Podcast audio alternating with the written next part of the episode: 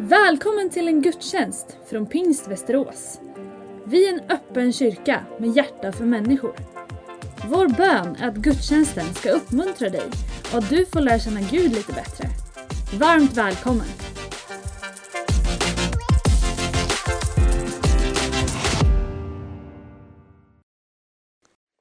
För ganska många år sedan nu så eh, skulle jag bege mig till Sydamerika på en resa, uppdrag. Och på flighten till Rio eller om det var Sao Paulo spelar ingen roll, men på väg till Brasilien i alla fall, så hamnade jag sittandes jämte en gravid kvinna. Och eh, vi växlade väl några ord och inte så väldigt mycket. Hon var portugisiskspråkig och min portugisiska är svag. Även om jag är pingstvän och tror på tungotal och andlig kraft att kunna ha ett språk så räckte det inte till portugisiska direkt. Sa väl några ord på engelska däremot. Inte så där jättedjuplodande konversation. Men man såg ju på henne att hon väntade barn och det var ju relativt tidigt ändå, trodde jag och säkert andra. Och det är väl en gräns för när man får ge sig ut och flyga för det där. Hur eller hur, så när under nattens timmar på vägen över Atlanten där, så satte det igång verkar för denna unga kvinna. Och hon skulle föda barn. Och jag hade då chansen att bli tidernas hjälte. En manlig barnmorska från Sverige. Det vart inte riktigt så det vart, utan jag fick bara få till och personalen kom där. Och vårt plan faktiskt fick tas ner i en stad som heter Recife, liksom nordöstra kusten där i Brasilien. Och vi vart ju försenade, men Varig, som det här brasilianska flygbolaget hette, de liksom tog det beslutet att vi går ner för säkerhets skull och hon fick gå fram och sitta någon annanstans än jämte mig. Så hela den här fullpackade flighten över Atlanten fick ta en annan rutt för att ett barn skulle födas.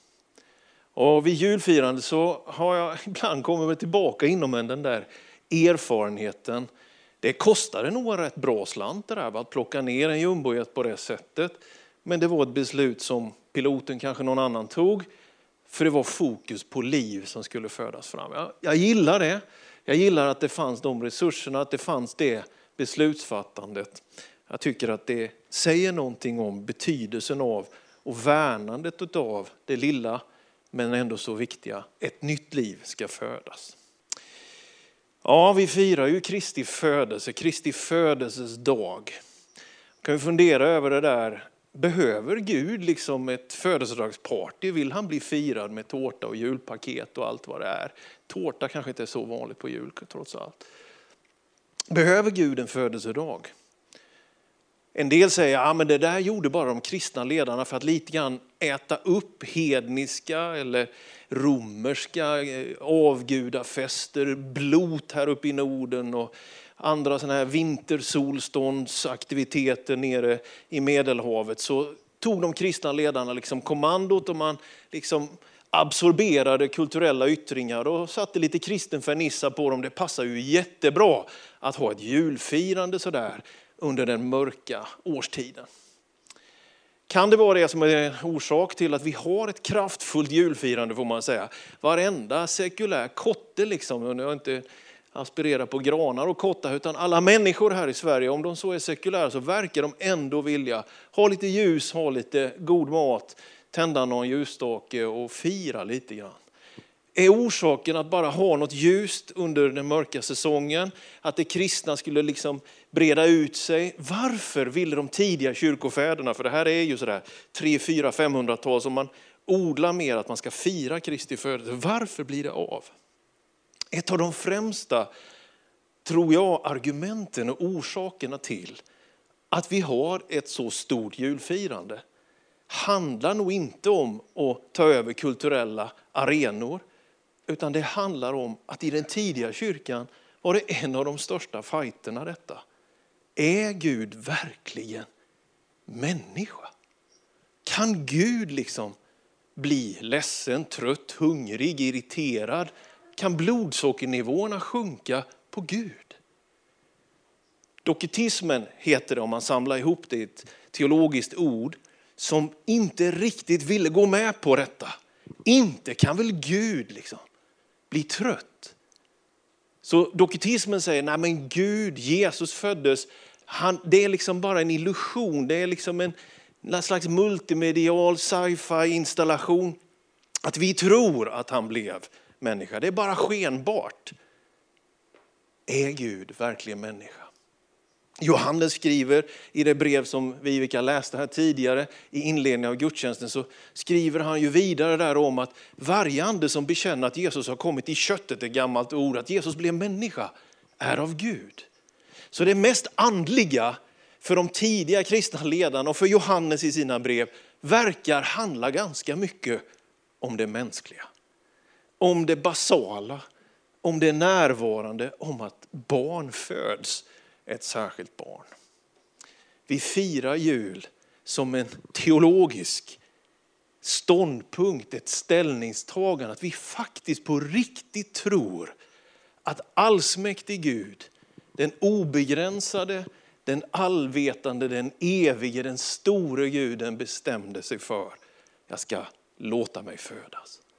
Det mänskliga, det gudomliga, himmelen, jorden, evigheten, nuet, föreningen i Kristus född i de enklaste av miljöer är vad vi firar. Att Gud blev människa, det är någonting väldigt, väldigt fint. Vi ska stå upp tillsammans och så ska vi läsa dagens bibeltext. Och den är från Jesaja och eh, kapitel 9. En av de mest kända profetiska texterna som finns i Gamla Testamentet. Och profeten Jesaja är ju för övrigt den profet som är allra mest citerad i hela Nya Testamentet. Man får väl säga att det är den största profeten i Gamla Testamentet. Det är 600-700 år före Kristus och det finns många diskussioner om vem som har skrivit alla dessa profetier, för det är ju en rejäl bok. Jag går inte in på det idag utan bara konstaterar att här finns en profetia just om att ett barn ska födas. Vi läser i tro på Guds ord i Jesu namn. Men det ska inte vara nattsvart mörker där ångest nu råder. Förr i tiden lät han Sebulons och Naftalis land vara föraktat. Men i kommande dagar ska han ge ära åt trakten längs havsvägen, landet på andra sidan Jordan, hednafolkens Galileen. Det folk som vandrar i mörkret ska se ett stort ljus. Över dem som bor i dödsskuggans land ska ljuset stråla fram. Du förökade folk som du inte gett stor glädje. De ska glädjas inför dig som man gläds under skördetiden, som man jublar när man delar byte. För du ska bryta deras bördors ok, deras skuldrors käpp och deras plågares stav som på Midjans tid. Av varje stövel buren i stridslarm och varje mantel vältrad i blod ska brännas upp och förtäras av eld. För ett barn blir oss fött, en son blir oss given. På hans axlar vilar herradömet och hans namn är under, rådgivare, mäktig Gud, evig fader, fridsförste. Så ska herradömet bli stort och friden utan slut över Davids tron och hans rike. Det ska befästas och stödjas med rätt och rättfärdighet från nu och till evig tid. Herren Sebaots lidelse ska göra detta. Ska vi säga ett försiktigt amen? Amen. Varsågod och sitt ner. Visst är det en text som direkt lyfter sinnet och tanken till storhet, till glädje, men också till en väldigt så här nykter realitetsanalys av situationen. Profetian inleds med lite geografi. Det handlar om norra Israel, det handlar om Galileen. Det handlar om Sebulons och Naftalis land, om havsvägen som ju bland annat gick genom den by eller stad där Jesus bodde, Kapernaum. Den gick ju där och det här är en del där Jesaja zoomar in. Det kommer att hända saker i det som är det mångkulturella, hedningarnas alltså Galileen. Här kommer det att ske någonting som kommer bevisa sig att det är en sändning, ett budskap, ett ärende från Gud som pågår. Sebulons och Naftalis land, det som har verkat lite ringa, lite på sidan sådär. Ungefär som vi här i Västerås alltid tänker om Eskilstuna, Örebro och liknande. Så får man ta in då som Västerås, Gud skulle kunna tänka sig göra någonting i Eskilstuna. Väldigt svårt att ta in för oss. Men det är lite det som händer här. Va? Att du på något sätt förstår, ja, men det där röriga området, där vet man inte vilket parti de röstar på, man vet inte vilken gud de ber till och de är lite här och där. Och här finns det både romerska liksom städer och de heter efter kejsare, Caesarea Filippi till exempel. Och de har alla möjliga namn och det byggs olika saker. Just där ska det hända någonting stort. Och vi vet som har läst evangelierna att det där är ju Jesu arena. Det är där vi får bergspredikan, det är där han stillar stormar. Det är där han driver ut orena andar in på Dekapolisområdet. Hela hans aktiva tre dryga år är ju kanske 80-90 procent placerade i just den här delen som Jesaja profeterar om. Den här delen längs havsvägen, det var där Jesus var. Jesus är där människor är, där människor finns, oavsett bakgrund, dit kommer han. Det här är en text som inte sätter särskilt mycket fokus på liksom beskaffenheten bland det här folket, hur pass gudfruktiga de var, om de var moraliska eller omoraliska, utan att Gud vill ha kontakt med dem. Och för övrigt är ju det evangeliets radikalitet alla veckans dagar.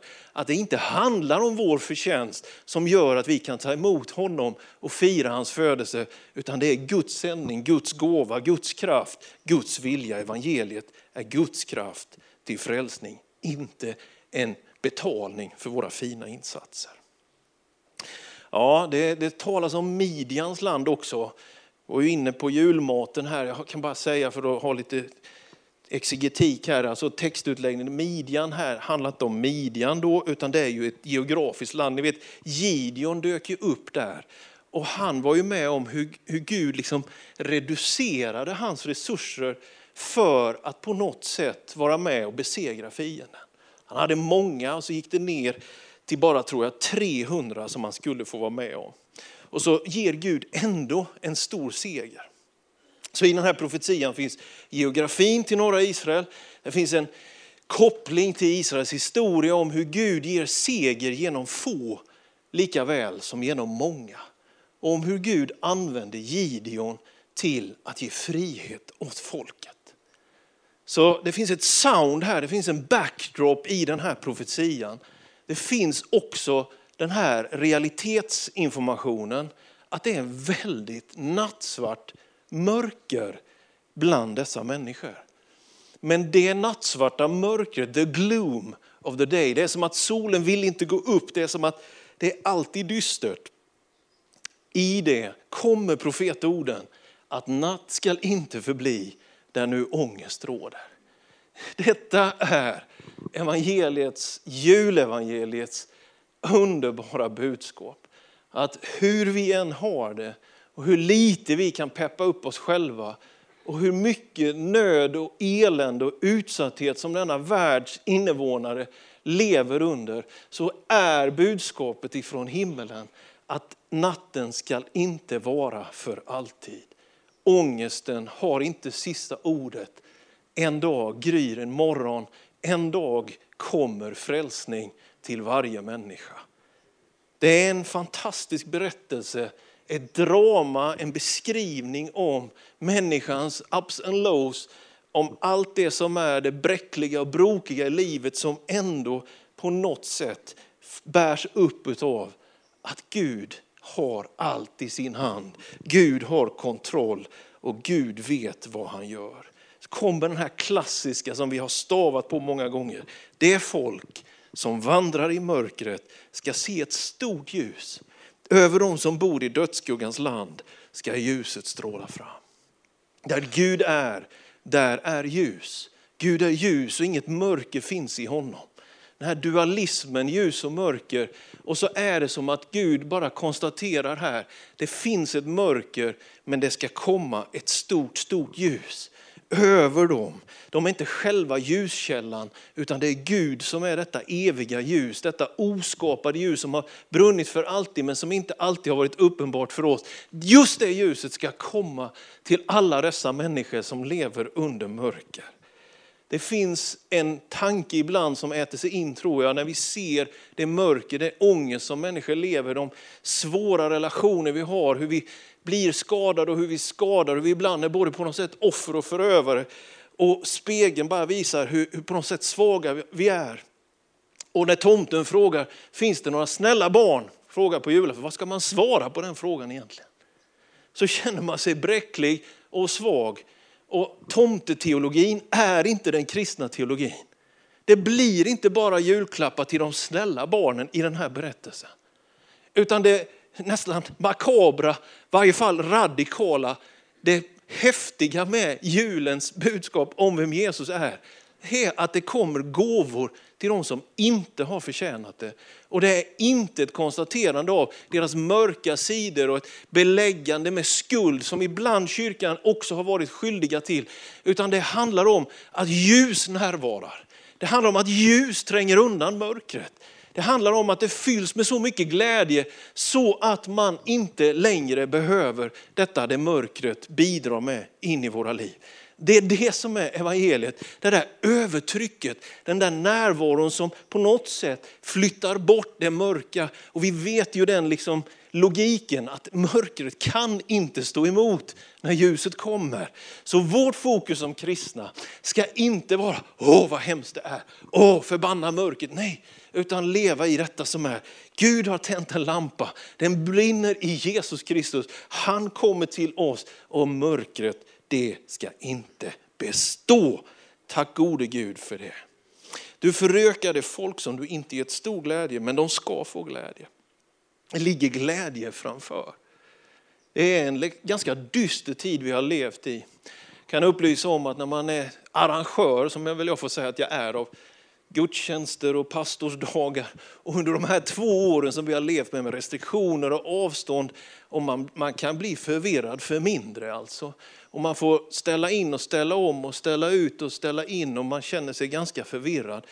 Och så tänker man omkring detta, det har varit en ganska tung period. Det är väl ingen som tycker att de här senaste två åren har varit särskilt roliga på ett sätt. Men det fascinerande i den här texten som berättar om att det ska komma och födas ett barn är att glädje ligger framför. Att det som inte är av glädje just nu, men det kommer en sån dag framför. Och Gud själv ska ge den till dig. Och jag tänker att du skulle kunna ta emot det som en uppmuntran idag. Jag hoppas du kan göra det.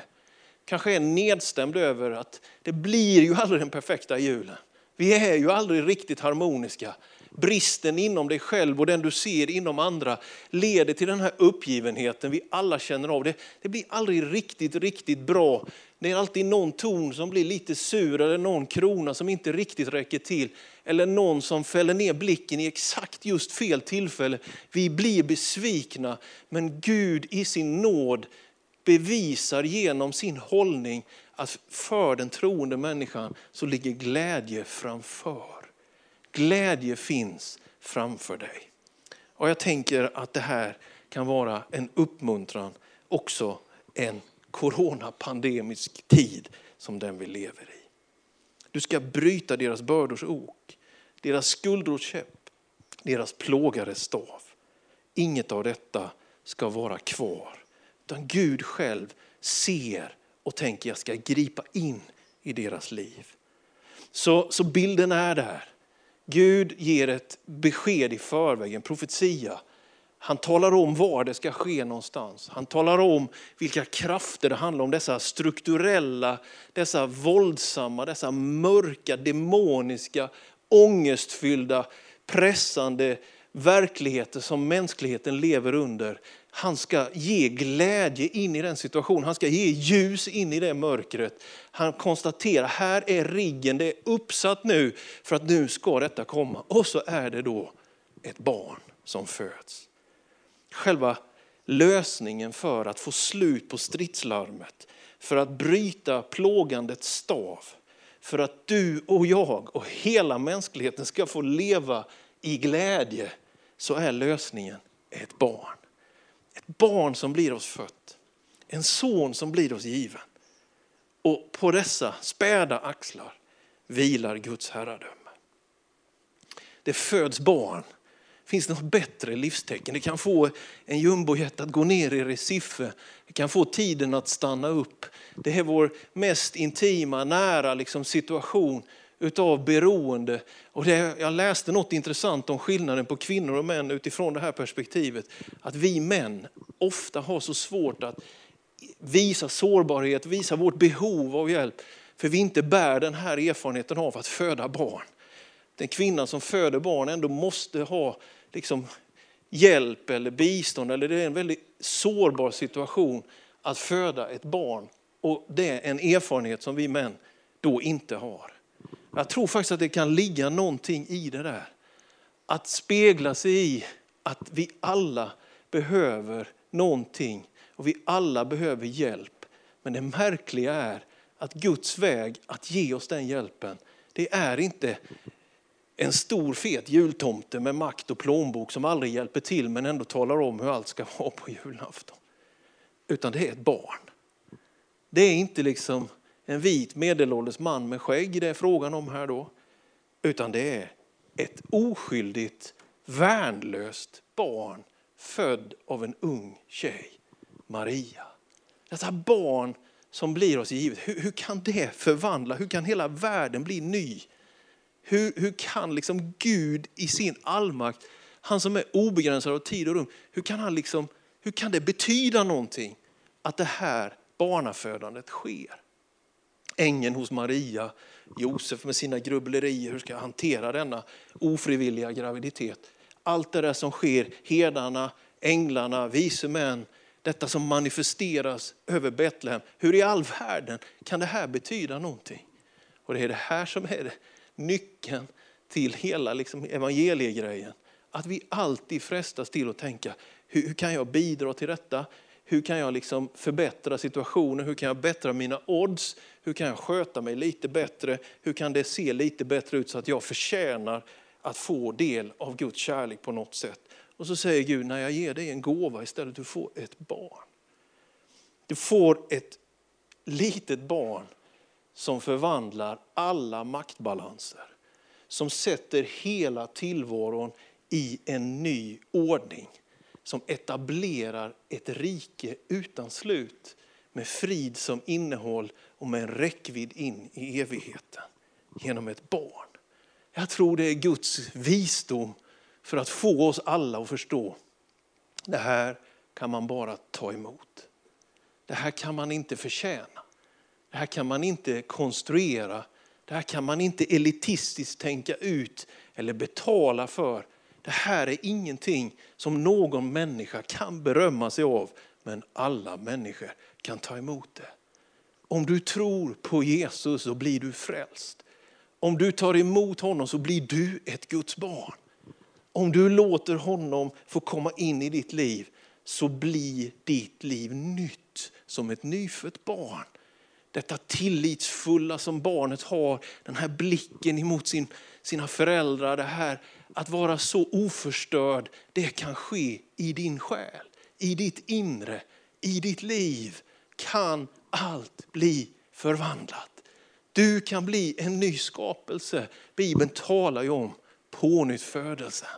Jesus i sitt nattliga samtal med Nikodemus. Nikodemus så svårt att fatta. Och antingen vill vi göra, eller vill vi fatta, eller vill vi duga. Men Gud säger, ta emot min frälsning. Och evangeliet är så angeläget. Så Paulus skriver i Galaterbrevet, ni får inte lägga till någonting. Och ni får inte dra ifrån någonting. Och Johannes är inne på samma sak i Uppenbarelsen, men ni får inte lägga till någonting. Och ni får inte dra ifrån någonting. Det jobbiga med den här predikan, det är att jag säger till dig, du kan inte göra någonting annat än att ta emot det. Och det kickar någonting inom den religiösa människan. Det kickar någonting genom det här svenska duktiga, att vi ska sköta oss, vi ska svara på alla Försäkringskassans blanketter. Och så säger Gud, jag ska bryta era plågares stav och allt gissel som kommer ur er bördors ok och skuldors käpp allting av krig och strid. Jag ska bryta ner det, det som är buret i stridslarm. Det kommer brännas upp och det kommer förtäras av eld. Jag ska etablera ett rike utan gräns som består för alltid. Och jag gör det när ni tar emot mitt barn, min son. Wow! Det är något helt annat än politiska ideologier. Det är något helt annat än mänsklig filosofi. Något helt annat än att de ska tycka att man är framgångsrik eller vacker. Det är att ta emot ett barn. Det är att ta emot Guds liv. Väldig Gud, evig fader, underbar i råd, alla de här storheterna som står om honom. Fridens furste, det är någonting av ett evigt faderskap och vi tas in i Guds familj när vi tar emot Guds egen son. Detta är evangelium om frälsning till människor som han ger och som vi behöver. Frälsningen är en insats, men inte av oss utan av honom. Kanske den största frestelsen du kämpar med, det är att lägga till en massa till evangeliet. Det är att förbättra och ha förklaringsmodeller. I alla fall är det så för mig. Och det här med julevangeliet och detta barnperspektiv leder en till att återkomma till att någonting kan födas i mitt hjärta. Ett nytt liv, jag kan se på min medmänniska, på mig själv, på skapelsen, på framtiden, mina egna nederlag, min egen morgondag. Jag kan se på det genom att se genom den där linsen som är Gud är hos mig. Gud är hos dig. Han älskar dig. Han vill vara med dig. Han säger välkommen in i Guds familj. Det är rörigt på julafton. Barnen blir inte alla nöjda över alla paket man får. Och det finns inga riktigt snälla barn. Men vi har inte en tomteteologi som graderar och kompenserar utifrån prestation. Utan vi har en Kristusteologi som säger, jag vill vara nära till och med Herodes och Pilatus och romerska soldater, judiska förståsigpåare, men också de som bor Midjans land, Sebulons och Naftalis utanförskapsområde. De som bor längs med havsvägen, alla de som ingen räknar med. Där är jag nära. Evangelium är en fantastisk substans, ett erbjudande. Det är inte ett paket åsikter som du ska förhålla dig till, utan det är liv i honom, gemenskap med Gud. Ja, varför behöver Gud då en födelsedag? Varför behöver vi fira detta? Jo, jag tror att vi behöver gång efter gång återta detta. Det vackra i att någonting nyföds. Gud kommer, barnet bor i oss så att säga. Att vara ett Guds barn behöver inte betyda att vi utvecklar en naiv barnslighet, men det betyder att vi lever våra liv i det barnaskapet. Bli en del i Guds stora familj. Jag tror att det är ett elände för oss om vi har en för snäv bild på det här med kärnfamilj och att allt ska vara så perfekt liksom, och man ska ta det där perfekta kortet. Jag tror att Guds familjesyn, eller vad man ska säga, handlar ju om att ha Jesus i centrum.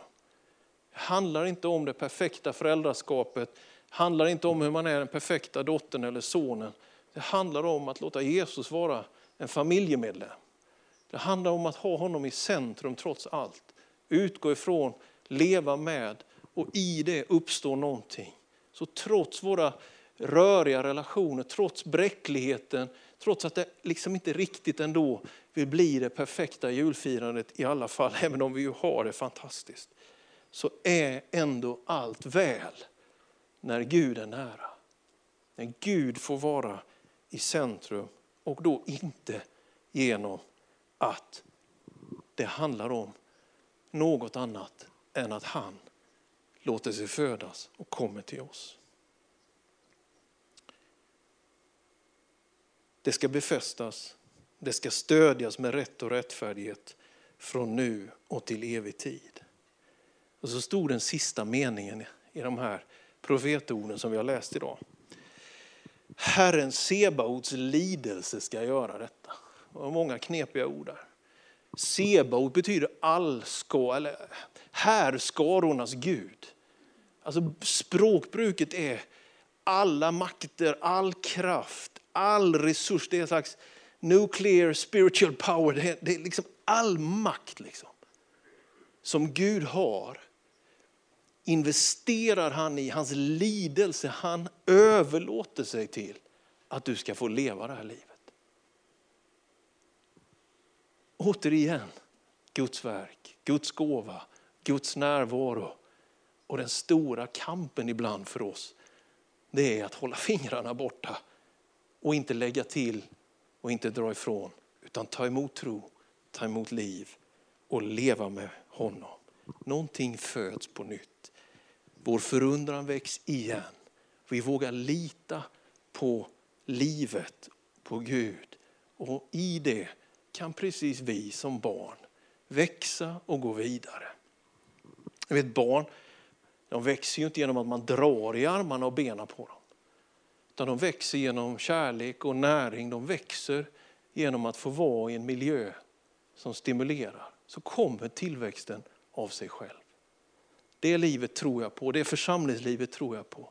Inte ett jobbigt tjatande om att du borde, utan kom till Kristus så kommer växten.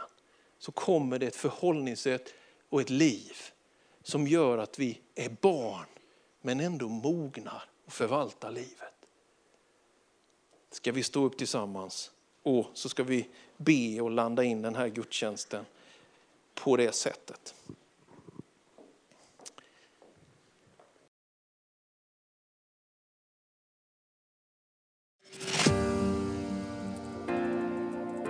Du har lyssnat på en gudstjänst från Pingst Västerås. Har du frågor om församlingen eller vill veta mer om kristen tro kan du gå in på vår hemsida vasteras.pingst.se Varje söndag firar vi gudstjänst tillsammans klockan 10.30. Välkommen att vara med via webben. Sök efter vår Youtube-kanal Pingst Västerås så hittar du livesändningen.